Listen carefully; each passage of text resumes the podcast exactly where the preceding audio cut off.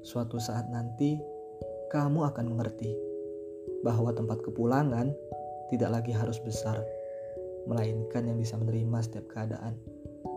Menjadikan ruang penerimaan sebagai tempat bertukar pikiran dan menjadikan Allah sebagai tujuan.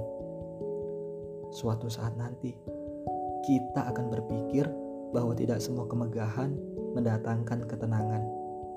Kita akan lebih merasakan tenang jika standar yang kita gunakan sederhana dan selalu ada.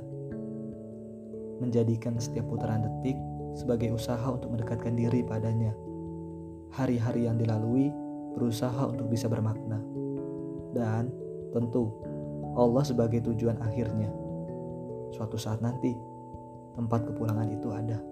Insya Allah.